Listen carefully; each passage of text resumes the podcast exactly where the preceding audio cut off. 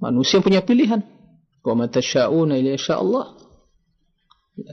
Jadi ada masyiah kehendak dan manusia juga punya kemampuan. Nah. Kemudian kita melihat juga dalam perbuatan dan realita kehidupan untuk melakukan sesuatu ya pekerjaan dan aktivitas kita memiliki pilihan ya. kita memiliki kekuatan dan berusaha kita bisa berjalan kita bisa datang suatu tempat kita bisa melakukan. Karena Allah memberikan kepada kita kudrah nah kemampuan. Dan juga kehendak. Maka kita memilih. Bila dihadapkan dua pilihan kita akan memilih mana yang bermanfaat dan baik. Berarti punya pilihan. Enggak ada yang terpaksa. Allah tidak memaksa hambanya. Allah jelaskan ini jalan kebaikan, ini jalan kejelekan, diberi pilihan, diberi isya iradah, masyiah, maka mereka melakukan sesuai dengan pilihan tersebut. Tapi ingat, pilihan tersebut tentunya semua di bawah kekuasaan kehendak Allah tabaraka wa taala. Wa ma tasyauna illa insyaallah rabbul alamin. Nah, tidaklah kalian menghendaki sesuatu dan kalian bisa mendapatkannya ya dalam urusan dunia apalagi urusan akhirat maka kecuali bila Allah menghendaki baik kemudian wal qadar yaitu disebutkan kepada eh, sekte qadariyah yang mengingkari qadar. Maksud di sini adalah baik qadar ya. Sekte yang pertama pendahulu qadariyah yang mengingkari ilmu dan kitabah. Jadi Allah tidak mengetahui dan tidak menulis di lauhil mahfuz ya. Sementara akidah ahli sunnah tiada tiada yang oh, tidak ada yang terjadi tiba-tiba atau begitu saja ya semua dengan takdir Allah Allah ketahui ditulis dalam mahfuz kemudian terjadi dengan izin Allah atau qadariyah ya sekte yang kedua yang uh, diadopsi oleh kaum mu'tazilah yang mereka dikenal sekarang dengan qadariyah bukan qadariyah dalam masalah takdir jadi Mu'tazilah ini lintas pemikiran tentunya. Jadi mengambil sampah-sampah pemikiran tadi itu yang diambil. Seperti ahlul kalam, ahlul bidah yang lainnya. Jadi sampah-sampah pemikiran itu itu diadopsi, di daur ulang lagi, jadikan sebagai pemikiran dan akidah. Ya. Taib. Jadi dalam masalah sifat Mu'tazilah Jahmiyah. Jadi begitu, dia warna-warni. Nah, jadi akidah gaduh-gaduh dan warna-warni, campur semua. Nah, bantu sesuai dengan akalnya diterima. Taib. Jadi ingkari sifat tadi kita jelaskan, ya. Mu'tazilah yaitu Jahmiyah dalam masalah sifat. Dalam masalah qadariyah qadariyah mereka mengatakan, "Nah, Allah menciptakan segala sesuatu, tapi kecuali perbuatan manusia." perbuatan manusia ciptaan dia tidak ada kaitannya dengan masyiah dan kehendak Allah ya begitu jadi manusia ciptaan Allah tapi perbuatan ciptaan manusia. Ini jelas adalah mengingkari takdir. Ini maksud pengingkaran mereka. Dan ahli sunnah sepakat semua bahawa manusia dan perbuatannya adalah ciptaan Allah. Wallahu khalaqakum wa ma ta'malun. Khalaqakum wa ma ta'malun. Nah Inna Allah sani'u sani'u kulli san'atin khaliqu kulli san'atin wa san'atah. Dalam hadis seperti itu. Allah khalaqakum menciptakan wa ma ta'malun dan apa kerjakan. Allah menciptakan pelaku dan perbuatannya. Ini akidah ahli sunnah. Allah khaliqu kulli syai' mencakup manusia dan perbuatannya. Nah. Baik. Jadi ahli sunnah wal jamaah mengimani tentang takdir bahawa Allah menciptakan segala sesuatu dan segala sesuatu diciptakan sesuai dengan ya ilmu yang telah tertulis di Lauhul Mahfuz dan sesuai dengan kehendak Allah Tabaraka wa taala yang masuk ke dalam semua ya kullu syai' nam inna kullu syai'in biqadar segala sesuatu dengan takdir inna nam khalaqna kullu syai'in biqadar Inna kulla syai'in khalaqtahu biqadar. Nah. Dengan takdir. Telah ada ketentuannya. Jadi tidak akan mungkin terjadi tiba-tiba saja. Tapi kita tidak mengerti apa yang, ter, apa yang tertulis di lauh mahfuz kecuali bila itu terjadi. Seperti yang kita jalani sesuai dengan putaran roda kehidupan. Ya, seperti itu. Itu secara global tentang maksud perkataan Imam Abu Ja'far At-Tahawi baina al-jabr wal qadar. Nah, jadi kita punya pilihan, punya kekuatan dan tidak terpaksa. Tapi tentunya per, makanya perbuatan kita disebabkan pada diri kita. Yang solat ya manusia tadi. Yang berpuasa yang haji. Bukan Allah yang salat ya. Tapi semua hal itu tidak akan terlaksana dengan izin Allah. Wa ma tasyauna illa ayyasha Allah rabbul alamin. Baik tidaklah ya terjadi ayat sebelumnya liman syaa minkum ayastaqim ya bagi siapa di antara kalian ingin yang istiqamah tapi mungkinkah dia istiqamah ya secara sendirian dan artian tidak ada bimbingan dari Allah dan dikehendaki oleh Allah tidak akan mungkin. Wa ma tasyauna liman syaa minkum ay yastaqim wa ma tasyauna illa yasha Allah rabbul alamin. Baik. Dan ini telah kita jelaskan pembahasan yang dalam pembahasan masalah takdir dalam kitab Aqidah Tahawiyah ini. Kemudian uh, wa bainal amni wal iyas. Mereka selalu berada tengah ya pertengahan.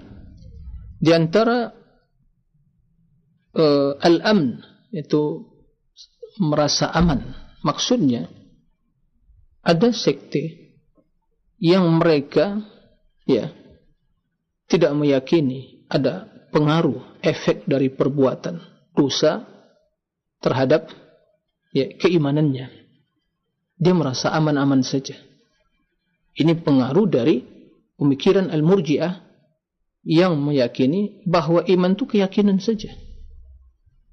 Kau dah yakin, ya sudah selesai. Perbuatan dia, baik perkataan dan perbuatan yang jelek tidak akan mempengaruhi iman, yang baik tidak akan menambah iman. Sudah, tetap. Jadi merasa aman-aman saja dia.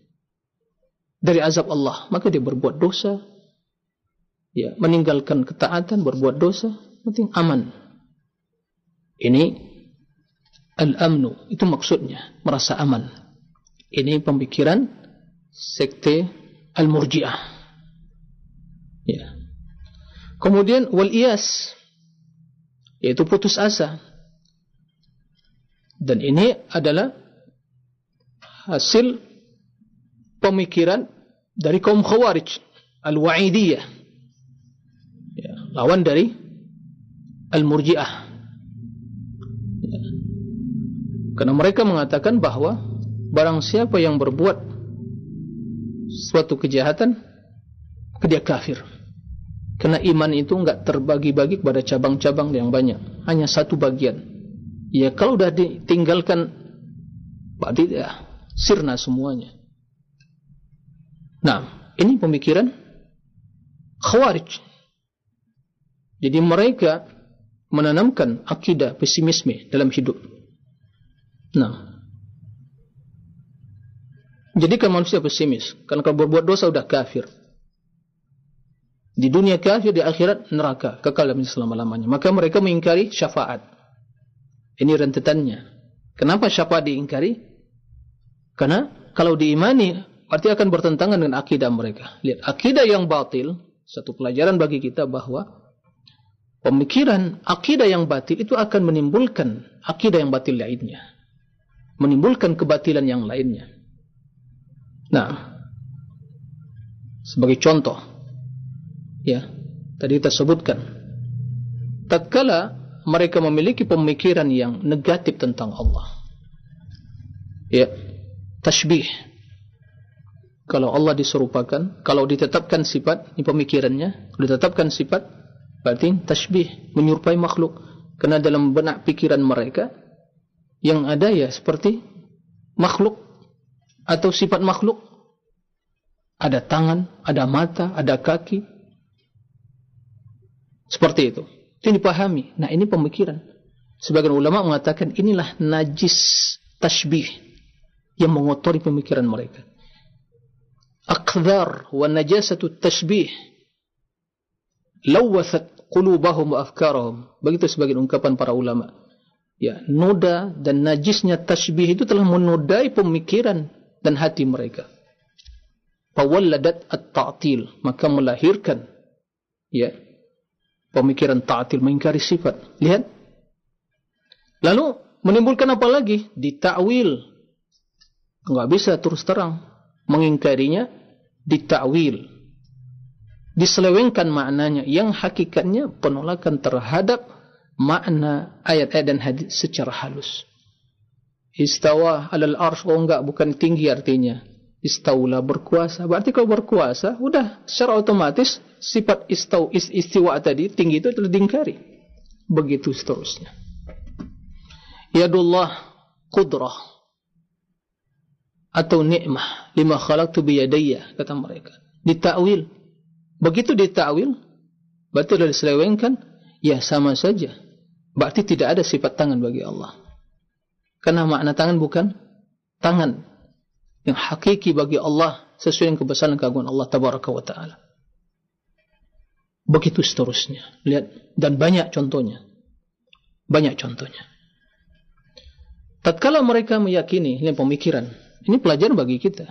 Pada zaman sekarang ini banyak penebar ya pemikiran mengenai yang batil yang berkedok ahli sunnah. Ya. Tapi sesungguhnya pemikiran ahli bidah wal ahwa. Tatkala ahlul kalam lihat pemikiran mereka ahlul kalam mengatakan bahawa nas-nas Al-Quran dan hadis yang berbicara tentang sifat-sifat Allah itu ya tidak menunjukkan kepada makna yang bisa diyakini dan dipastikan. Untuk Islam mereka, ya, la yadullu ala al-yaqin. Nah, tidak bisa diyakini maknanya. Menurut mereka pemikiran mutasyabihat. Nah, lalu apa yang terjadi? Sementara akal itu menunjukkan pada sesuatu yang pasti. Nah, jadi dhanniyatud dilalah menurut mereka. Kalau Al-Quran dan hadis tidak bisa dipastikan maknanya. Masih multi penafsiran. Taib. Tapi kalau akal menurut mereka itu menunjukkan pada sesuatu yang pasti. Lalu apa yang terjadi? Lihat. Akibatnya apa? Begitu membaca Ar-Rahman Ar-Shistawa ini tidak menunjukkan kepastian bahawa Allah istiwa al-arsh karena menurut akal begini dan begitu. Lalu pemikiran seperti itu ya membawa mereka untuk mentawil, maka harus takwil. Begitu seterusnya. Ya. Sebagaimana kaum khawarij tadi, tatkala mereka meyakini bahwa iman itu hanya satu bagian, maka bila ditinggalkan, berarti ditinggalkan secara keseluruhan. Begitu. Maka meninggalkan suatu perbuatan melakukan dosa berarti meninggalkan bagian dari iman maka pupus iman imannya. Lalu kalau pupus imannya dia kafir. Kalau kafir mana tempatnya? Di neraka. Tidak dapat syafaat. Karena orang kafir sudah kekal di neraka. Begitu seterusnya. Dan ini kalau kita pelajari kita baca tentang bagaimana munculnya pemikiran-pemikiran sempalan dalam Islam tadi itu akan menambah keyakinan kita ya bahawa sungguh benar kata Allah dan Rasulnya apabila mereka telah meninggalkan ya perkataan Allah kata Rasulnya meninggalkan agama Allah Rasul dan Al-Quran maka mereka akan sesat. Ya seperti itu. Wan hadha sirati mustaqimun fattabi wa la tattabi'us subul. Ini subul, pemikiran-pemikiran subul semua ini jalan-jalan yang bersimpang siur. Ya. Maka semua sampah-sampah pemikiran tadi itu semua adalah ya, subul jalan yang menyimpang dari syaratul mustaqim. Nah jangan itu didaur ulang, jadi sakit nanti. Kalau ingin mengkonsumsi minuman yang sehat, ya, gizi yang sehat, biar hatinya tersirami, jadi subur, sehat, bersih, pemikirannya juga. Tapi kalau sampah-sampah pemikiran, ya, Ya, Imam Ibn Qayyim mengibaratkan ini bagaikan ya akidah ahli sunnah dari mata air yang jernih, bersih, diminum sehat jadi obat, sehat badan. Sementara pemikiran ahlu kalam filsafat muncul dari ya dari hulunya yang kotor kemudian dialirkan kepada ya cumberan dan juga air cumberan semua dan juga kemudian diminum, diambil, ya daur ulang lagi, kemudian kotor lagi seperti itu. Nah ini yang harus diperhatikan. Oleh karena itu Alhamdulillah kita bersyukur kepada Allah. Banyak memuji Allah atas nikmat hidayah. Ihdinas siratal mustaqim. Ya, ihdinas siratal mustaqim. Hidayah. Ya, tidak bisa ya uh, gimana ya sulit untuk kita mengungkapkan bagaimana rasa kegembiraan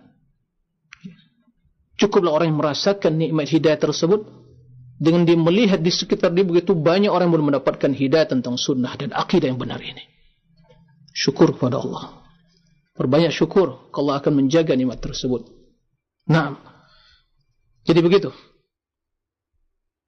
Jadi ahli sunnah antara musyabbihah wal mu'attilah antara murjiah wa khawarij antara Jabariyah dan Qadariyah. Semua hal itu termasuk ke dalam sekte yang telah diprediksi Nabi akan muncul, akan perpecahan, perpecahan akan terjadi. Ya, sataftariku. Terjadi perpecahan. Penyimpangan dalam pemikiran tadi dan semuanya itu kata, kata Nabi adalah halika. Kulluha finnar. Karena semua kesesatan tempatnya di neraka. Tentunya bertingkat-tingkat kesesatan tadi. Tidak sama. Ya. Begitu. Tidak sama. Nah, ada kesesatan mereka yang sampai pada kekufuran. Yang mengatakan Quran makhluk. Ini mengingkari semua sifat Allah. Kekufuran. Nah, jadi tidak sama. Kena juga neraka itu punya tingkatan ke bawah, darakat. Kalau surga, darajat, naik. Nah, kemudian setelah itu, Al-Imam Abu Ja'far At-Tahawi rahimullah menjelaskan, فهذا ديننا واعتقادنا ظاهرا وباطنا ونحن براء إلى الله من كل من خالف الذي ذكرناه وبيناه dan ini di penghujung perkataannya beliau mengatakan ya inilah agama dan akidah kami dan sebelumnya di awal ya kitab beliau kita telah sampai ke penghujung. Ya apakah bisa kita selesai? Sepertinya ya. Mungkin pekan depan kita selesaikan. Karena sini banyak pembahasan juga tentang uh, madhab-madhab yang batil. Ya. tapi kata Imam Abu Ja'far At-Tahawi inilah agama kami dan akidah kami. Dan kembali kepada muqaddimah. Ya Abu Ja'far At-Tahawi menjelaskan hadza dzikru bayani عقيدة أهل السنة والجماعة على مذهب فقهاء الملة أبي حنيفة النعمان بن ثابت ثابت الكوفي وأبي يوسف يعقوب يعقوب بن إبراهيم الأنصاري وأبي عبد الله محمد بن الحسن الشيباني رضوان الله عليهم أجمعين. Jadi akidah tahawiyah kata beliau inilah penjelasan tentang akidah ahli sunnati wal jamaah ya sesuai dengan madhab fuqaha ya fuqaha umat Islam ini. Ya yaitu Abu Hanifah kemudian murid-muridnya ahli sunnati wal jamaah. Begitu juga akidah Imam Malik dan pengikutnya. Akidah Imam Syafi'i dan pengikutnya. Akidah Imam Ahmad bin Hanbal dan pengikutnya. Ya kendati dalam sebagian ungkapan yang beliau sebutkan ya tentunya Uh, tidak sesuai dengan ungkapan sebagian ulama atau ulama salaf ya dalam masalah ya arah ya. Itu memang dikritisi oleh para ulama tapi inilah akidah. Secara umum ya kendati dalam ungkapan beliau la tahwihi jihatus sit ya tentang masalah Allah tabaraka wa taala tentu ini istilah-istilah yang familiar di kalangan ahlul kalam. Adapun ahli sunnah mereka hanya mengucapkan sesuai dengan dalil ya Al-Quran dan Sunnah. Allah fi sama, mustawin ala arsh. Allah fil ulu fauq ya seperti itu. Tidak menggunakan istilah-istilah ahlul kalam yang global yang multi penafsiran dan itu dijadikan oleh mereka untuk menyesatkan umat. Ya seperti maujud bila makan ada tempat-tempat. Mana ulama sal mengatakan seperti itu? Apa maksud makan di sini? Ya kalau makannya dimaksud itu arah yang enam. Ini kan yang ada di makhluk. Depan belakang kanan kiri atas bawah. Ini yang kita pahami di enam arah makhluk ini alam semesta ini. Ya. Tidak akan mungkin Allah subhanahu wa ta'ala ada di salah satu itu yang dalam alam ini tapi kita tanya alam ini yang dengan enam arah tadi? Nah bagi Allah hanya ada dua arah. Kalaupun kita katakan arah tadi jihad tadi itu juga tidak bahasa Al-Quran dan hadis. Ya. Bahawa Allah yang maha tinggi dan semua alam dengan semua arah tadi itu di bawah Allah tabaraka wa taala. Selesai masalah. Karena kita meyakini tidak mungkin Allah masuk ke dalam alam ini. Atau makhluk ya masuk ke dalam zat Allah mustahil. Allahu akbar. Enggak ada yang memahami seperti itu. Maka apa, apa maksudnya bila makan? Tapi ternyata bila makan itu itu adalah ya ha, hakikat kesimpulan dari akidah Jahmiyah yang mengatakan Allah la fawq, la tahat, la yamin, la dakhil, wala kharij. Itu akidah Jahmiyah. Ya. Jadi Allah tidak di atas, tidak di bawah, tidak di dalam, tidak di luar. Kata para ulama, jadi anda tidak menetapkan ada ilah. Jadi intinya kata para ulama salaf, Jahmiyah itu ingin mengatakan, Lesa fis sama' rabbun yu'bad, ilahun yu'bad. Ya. Bahawa tidak ada di langit Rob yang diibadati. Tidak ada makannya tempatnya. Itu. Dan tentunya ulama salaf lebih cerdas. Tidak bisa dibandingkan dengan orang sekarang ini. Sekarang ini ada yang mengatakan ungkapan ahlul kan tidak paham apa maksud dan konsekuensi batil dari hal itu. Nah, jadi itu maksud. Ya, ingin mengingkari ketinggian Allah tadi. Bila makan. Ya, Jahmiyah dahulu mengatakan la fawq la tahat. La dakhil wala kharij. Enggak di atas, enggak di bawah, enggak di dalam, enggak di luar. Berarti di mana? Datang ahlul kalam sekarang bila makan, berarti enggak ada tempat. Inti jadi dia menyimpulkan. Ya, Jahmiyah sebelumnya lebih terinci, enggak di atas, enggak bawah, di depan, enggak belakang. Ini semua jihad sit. Jihad kata mereka. Nah, datang Jahmiyah ya, yang mengadopsi pemikiran Jahmiyah dari berbagai sekte bila makan. Jadi menurut mereka makan di atas, bawah, tempat, ya uh, dalam, kemudian di luar, kanan, kiri, begitu. Ini tempat semua. Allah tidak diliputi oleh itu semua. Berarti di mana? Ya, tidak ada makan, tidak ada tempat. Ya subhanallah. Itu bukan akidah ahli sunnah. Kita kata akidah ahli sunnah Allah. Kalaupun kita nambah kalimat mawujudun, nah ini semua tidak dimaklumi. Tidak ada memungkiri, mawujud. Ya, kalau alam mawujud, apalagi Allah tabaraka wa ta'ala. Dalam artian itu bukan yang spesial. Karena juga ada, makhluk ada. Allah ada. Tapi tentu Allah wujudnya azali.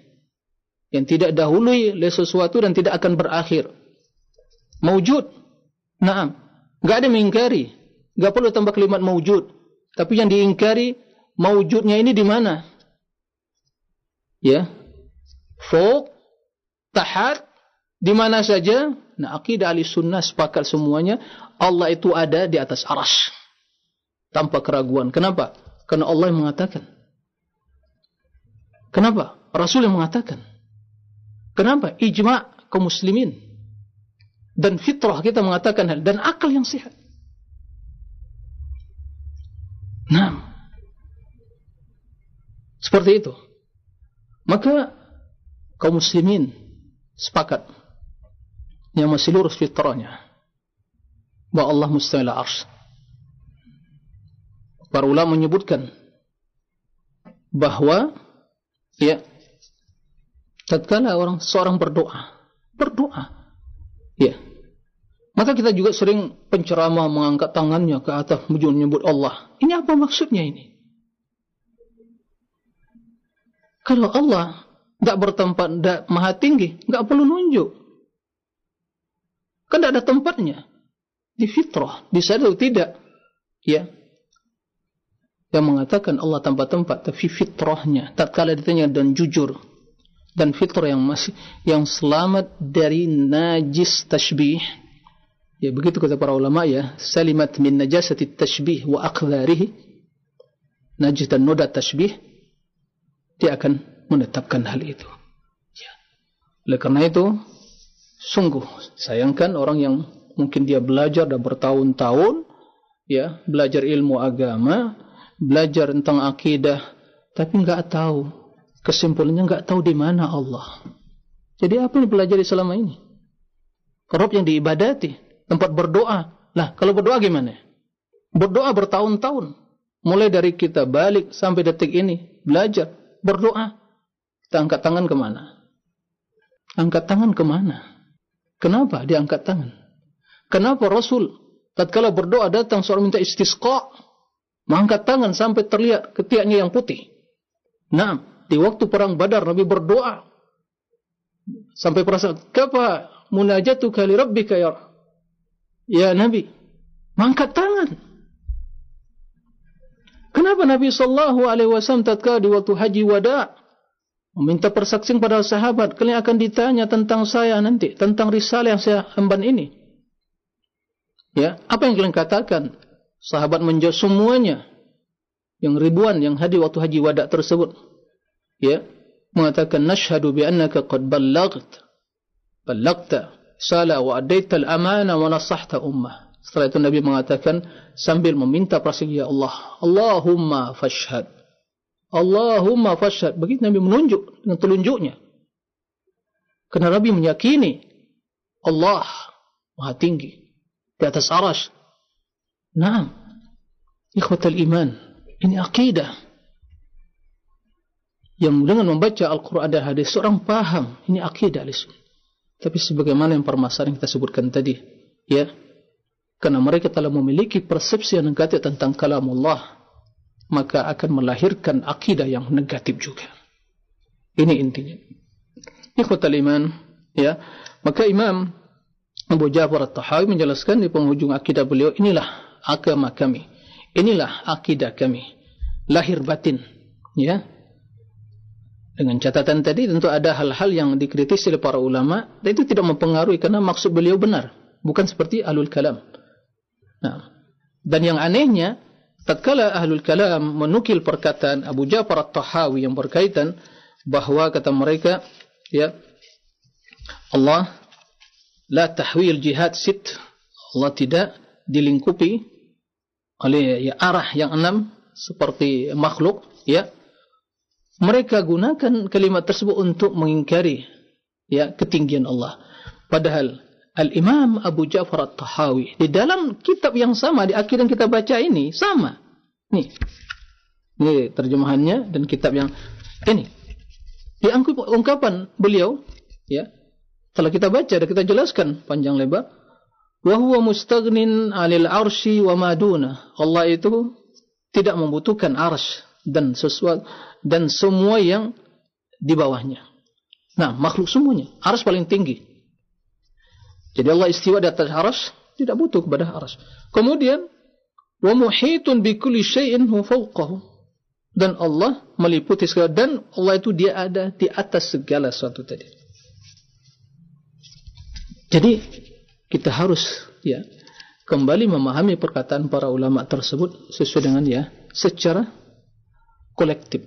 Jangan mengambil sepotong-potong dari perkataan para ulama kemudian tidak memahami ya perkataan yang lain. Ini hal yang keliru dalam masalah ilmiah. Jauh dari amanah ilmiah. Ya. Amanah ilmiah sangat jauh dari hal seperti itu. Baik, karena waktu membatasi kita, insyaallah kita akan akhiri ya kajian kita tentang akidah tahawi insyaallah pekan depan mudah-mudahan Allah memberikan yang terbaik bagi kita semua demikian wallahu a'lam Nah, baik syukuran jazakallahu khair barakallahu fik atas materi yang telah disampaikan oleh Ustaz di kesempatan pagi hari ini. Mudah-mudahan ilmu yang bermanfaat untuk kita semua dan mudah-mudahan pertemuan-pertemuan yang berkahi Allah Subhanahu wa taala. Dan selanjutnya kami buka sesi interaktif, sesi soal jawab bagi Anda para pemirsa ataupun pendengar yang ingin bertanya, Anda bisa mengirimkan pertanyaannya di layanan pesan singkat di nomor 0819896543 atau Anda bisa menghubungi kami secara langsung di layanan telepon di 0218236543. Baik, yang pertama, kami akan terlebih dahulu di layanan pesan singkat Ustadz. Ada pertanyaan jadi hamba Allah yang berada di Bogor. Assalamualaikum warahmatullahi wabarakatuh. Ya Ustadz, mengapa banyak orang atau golongan yang tergelincir di dalam masalah takdir dan masalah sifat Allah ini Ustadz? Mohon penjelasannya. Baik, kenapa banyak golongan yang menyimpang ya? Dalam masalah ini uh, ada baiknya di sini.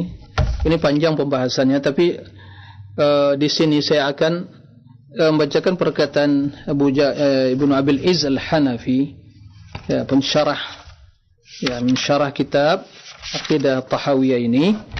Ini kata beliau setelah menyebutkan ya sekte-sekte yang sempalan tadi dari uh, tar saya lihat dulu Dibeli disebutkan di sini.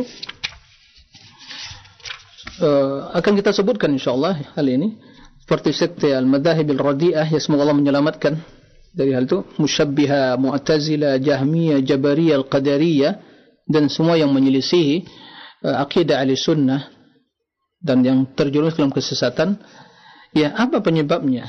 Nah al-imam Ibnu Abil Izzal Hanafi syarah kitab tersebut di penghujung syarahnya juga menyebutkan. Saya akan baca sedikit perkataannya. Ya, kata beliau, "Wasababu dhalali hadhihi al-firaq wa amsalihim uduluhum 'an as-siratil mustaqim alladhi amarana Allah bittiba'ih." Dan sebab ya, kesesatan ya, dan sebab kesesatan semua ya sekte-sekte ini dan yang semisalnya yaitu berpalingnya mereka dari siratul mustaqim yang diperintahkan oleh Allah untuk kita ikuti. Waqala ta'ala wa anna hadha sirati mustaqiman fattabi'uhu wa la tattabi'us subula fatafarraqa bikum an sabili. Ya, kata Allah yang artinya dan inilah jalanku yang lurus. Ya, jalannya lurus. Fattabi'u, ikutilah jalan yang lurus tadi dan jangan kalian mengikuti jalan-jalan yang lain. Fatafarraqa bikum an sabili. Sehingga menyebabkan kalian akan ya tersesat ya terpecah belah dalam mengikuti jalan Allah. Nah tersesat terpecah belah ya karena telah mengikuti berbagai pemikiran kesesatan tadi. Wa qala ta'ala qul hadhihi sabili adu ila Allah ala basiratin ana wa man ittaba'ani. Ya Katakanlah Muhammad, ini jalanku. Suratul mustaqim. Qala Allah wa qala Rasul. Ya, itu jalan Allah. Adu ila Allah, aku mengajak kepada Allah ala basira berdasarkan ilmu. Ana, aku kata Rasul dan juga orang mengikutiku. Kemudian Imam Ibn Abil Is mengatakan Allah menyebutkan sirat uh, na'am fa wahada lafdh sirat. Sirat itu ya redaksinya itu kalimatnya bentuknya tunggal. Ya, bukan majmu'. Begitu juga sabil. Subul sabil. Jalan Allah sabil. Yang lain bukan subul. Kenapa? Karena al-haq itu satu. Sementara subul, pemikiran-pemikiran tadi banyak sekali. Maka subul, penyimpangan. Nah, kemudian beliau menyebutkan ya uh, hadis Abdullah bin Mas'ud yang menjelaskan bahawa Nabi SAW pada satu hari di hadapan para sahabat ya mengambil sepotong ranting kemudian menulis atau menggaris di hadapannya garis yang lurus, satu garisan lurus. Kemudian di kiri kanannya banyak garisan yang bersimpang siur. Kata Nabi menunjukkan bahawa garis yang lurus ini ada sirati, siratullah mustaqim. Fattabi'u ikuti. Wa khatta an yamini khututan. Wa qala hadhihi subul. Kiri kanan dia juga digaris bersimpang siur jalan tadi. Ini subul semua jalan-jalan, pemikiran-pemikiran kesesatan, akidah-akidah yang sesat, pemahaman-pemahaman menyimpang ya pemikiran-pemikiran yang nyeleneh dan seterusnya ini subul semua. Ya maka jangan diikuti. Nabi sallallahu alaihi wasallam kemudian beliau membaca ayat wa anna hadha sirati mustaqiman fattabi'u wa la tattabi'u subula fatafarraqa bikum an sabili. Kemudian setelah itu Imam Abu Al-Iz Abu Al-Iz mengatakan Ibnu Abil Iz mengatakan wa min huna yu'lam ittiran ittirar al-'abd ila su'alihi hidayat as-siratil mustaqim fawqa kulli darurah. Dari sini kita memahami dipahami ya begitu besar kebutuhan ya hajat seorang hamba kepada doa berdoa untuk diberikan hidayah kepada siratul mustaqim ya melebihi semua kebutuhannya. Makan minum tiga kali sehari mungkin ada dua kali. Kalau hidayah sebagaimana kata para ulama itu menyertai setiap ya menit atau setiap pernapasan yang kita lakukan. Kita bernapas menghirup oksigen. Tidak terhitung banyaknya. Setiap ya napas tersebut membutuhkan hidayah. Maka ini diwajibkan baca apa? Ihdinas siratal mustaqim dalam salat. Kalau enggak dibaca berarti enggak sah salatnya. Karena enggak baca rukun. Nah begitu jadi itu secara global kesimpulan kalau ada pun rinciannya ini kita ya tentunya tidak akan mungkin pada kesempatan yang mulia ini nah demikian Allahu a'lam Baik, sekoran Dezul Khair atas jawaban Ustaz demikian untuk yang bertanya dan selanjutnya kami berikan kesempatan untuk Anda yang ingin bertanya di layanan telepon. Silakan di 021 823 6543. Nah. Halo. Halo, Assalamualaikum. Ya, Assalamualaikum. Iya, dengan siapa di mana? Ini dari Umu Azim Tanjung Enim, Tat. Silahkan. Mau nanya, eh, saya udah udah berdoa, Tat, setiap setelah salat sholat sunat, waktu-waktu mustajab, mendoakan agar adik-adik, kakak-kakak kita itu mendapat hidayah. Tapi sampai detik ini juga sepertinya masih belum tersentuh hidayah. Tad. Apalagi yang mesti uh, saya lakukan, Tad? Apa ini ada kaitannya dengan uh, takdir, Tad? Assalamualaikum warahmatullahi wabarakatuh. Waalaikumsalam warahmatullahi wabarakatuh. Nam, silakan Ustaz. Assalamualaikum warahmatullahi wabarakatuh. Naam. Uh, terima kasih kepada ibu yang bertanya di Tanjung Andim ya. Barakallahu fiik. Pertanyaan yang bagus sekali. Dia telah berdoa, berkali-kali berdoa, terus menerus berdoa. Ya, untuk saudara-saudara adik-adiknya, mungkin ya karib kerabatnya, saudaranya untuk ya hidayah agar Allah berikan hidayah kepada mereka. Tapi sampai detik ini ternyata mereka belum mendapatkan hidayah ya belum terbuka jalan hidayah dapat mereka. Lalu apa yang dilakukan? Nah, ya, ibu yang dirahmati Allah Tabaraka wa Taala, pertama, ya, tentunya Allah akan membalas seluruh kebaikan ibu karena di antara bagian kebaikan kepada ya karib kerabat kita silaturahmi mendoakan kebaikan bagi mereka. Ya, bukan sedang ngasih duit saja silaturrahim itu bukan sekedar ngasih duit saja. Nah, bahkan yang terbaik adalah mengajak mereka kepada kebaikan. Datangi, diajak, ya, bahkan termasuk dalam berdoa.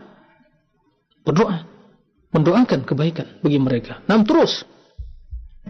Maka saya katakan, jangan putus asa. Jangan putus asa, terus berdoa. Nah, doa.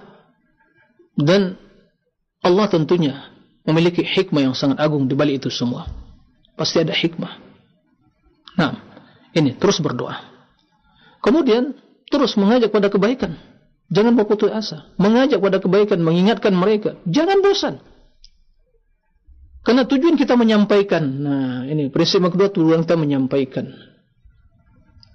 Tujuan kita dalam mengajak itu menyampaikan al-haq. Sementara yang menanamkan hidayah itu, memasukkan ke dalam hatinya. Sehingga dia menerima hak kembali berjalan kebenaran, menerima akidah yang benar. Itu hanya hak Allah Subhanahu wa taala. Tidak ada intervensi ya seorang dalam hal itu. Itu hak Allah semata. Jangankan kita yang memiliki keterbatasan ilmu, ya, kedangkalan pengetahuan kita, Nabi SAW dalam hadis beliau mengatakan inni akhsyakum atau atqakum wa a'lamukum billah. Aku orang yang paling bertakwa dan paling berilmu tentang Allah. Anjar beliau orang yang paling berilmu. Ya. Allah mengatakan tatkala pamannya diajak beliau yang juga membela beliau ya selama hidup berbagai serangan dan cacian dan juga ya kejahatan kaum Quraisy. Di pojok hayatnya Abu Talib ya tidak sempat mengatakan la ilaha illallah. Nabi datang mendatangi mentalkid ya am qul la ilaha illallah wahai pamanku ucapkan la ilaha illallah kalimat yang akan menjadi hujjah ya dariku untukmu di sisi Allah sebagai bukti keislamanmu di samping juga ada Abu Jahal, Abu Lahab yang lainnya, tokoh-tokoh Quraisy. Apa kamu ya Abu Talib akan berpaling dari agama nenek moyang kita? Maka dia mati dalam keadaan kufur, syirik. Rasul bersedih. Ya. Atau lalu turun ayat. Ya, turun ayat yang menjelaskan innaka la tahdi man ahbabta walakin Allah yahdi man yasha. Kamu Muhammad tidak akan bisa beri hidayah kepada orang yang paling kau cintai. Engkau mencintai pamanmu. Ya. Dia menyukai pamannya telah membantu memperjuangkan dia di waktu dia masih terutama dalam kondisi di boykot ya oleh orang kafir Quraisy. Tidak bisa macam-macam mereka karena mereka takut kepada Abu Talib sebagai tokoh yang ditokohkan. Akan tapi sebagaimana kata Allah innaka la tahdi ila siratal mustaqim. Engkau itu hanya memberikan hidayah kepada jalan yang lurus. Apa maksudnya? Menjelaskan menyampaikan memberikan nasihat wajangan ya tausiah mauizah. Itu bisa dilakukan. Nah maka ibu jangan berputus asa terus lakukan karena itu tugas kita yaitu ibadah kita beribadah sampai mati berarti berdakwah juga baik dengan perkataan omongan bil hal sampai mati. Kenapa? Itu bagian dari hidup. Ya, terus aja saudara kita, keluarga kita, doakan terus sampaikan ya. Suatu saat Allah akan bukakan pintu hidayah baginya. Sehingga begitu mendapatkan hidayah, ibu juga akan mendapatkan pahala dari perbuatan mereka. Karena hidayah itu mereka dapatkan lewat ibu sendiri. Oleh karena itu, jangan putus asa. Ya, jangan putus asa terus kemudian peringatkan mereka tentang bahaya dari ya sahabat-sahabat yang jelek teman-teman yang enggak baik karena itu sangat mempengaruhi lingkungan sangat mempengaruhi kondisi seseorang nah demikian semoga Allah memberikan hidayah kepada kaum muslimin untuk kembali pada jalan yang benar pada siratul mustaqim jalannya Rasulullah akidahnya Rasulullah para sahabatnya dan para imam-imam ahli sunnah. Dan semoga Allah menyelamatkan mereka kita semua dan kaum muslimin dari berbagai pemikiran yang menyimpang pemikiran yang sesat dan aliran-aliran sempalan yang menisbatkan kepada Islam. Tentunya itu semua adalah hal yang harus kita waspadai Semoga Allah memberikan hidayah kepada kita semua. Allahumma arinal haqqa haqqan warzuqna ittiba'a wa arinal batila batilan warzuqna ijtinaba. اللهم يا رب جبرائيل وميكائيل وإسرافيل فاطر السماوات والأرض عالم الغيب والشهادة أنت تحكم بين عبادك فيما كانوا فيه يختلفون اهدنا لما اختلف فيه من الحق بإذنك إنك تهدي من تشاء إلى صراط مستقيم اللهم اهدنا واهدي بنا واجعلنا هداة المهتدين غير ضالين ولا مضلين. اللهم آمين. هذا وصلى الله وسلم على نبينا محمد وآله وصحبه وسلم. والحمد لله رب العالمين. والسلام عليكم ورحمة الله وبركاته.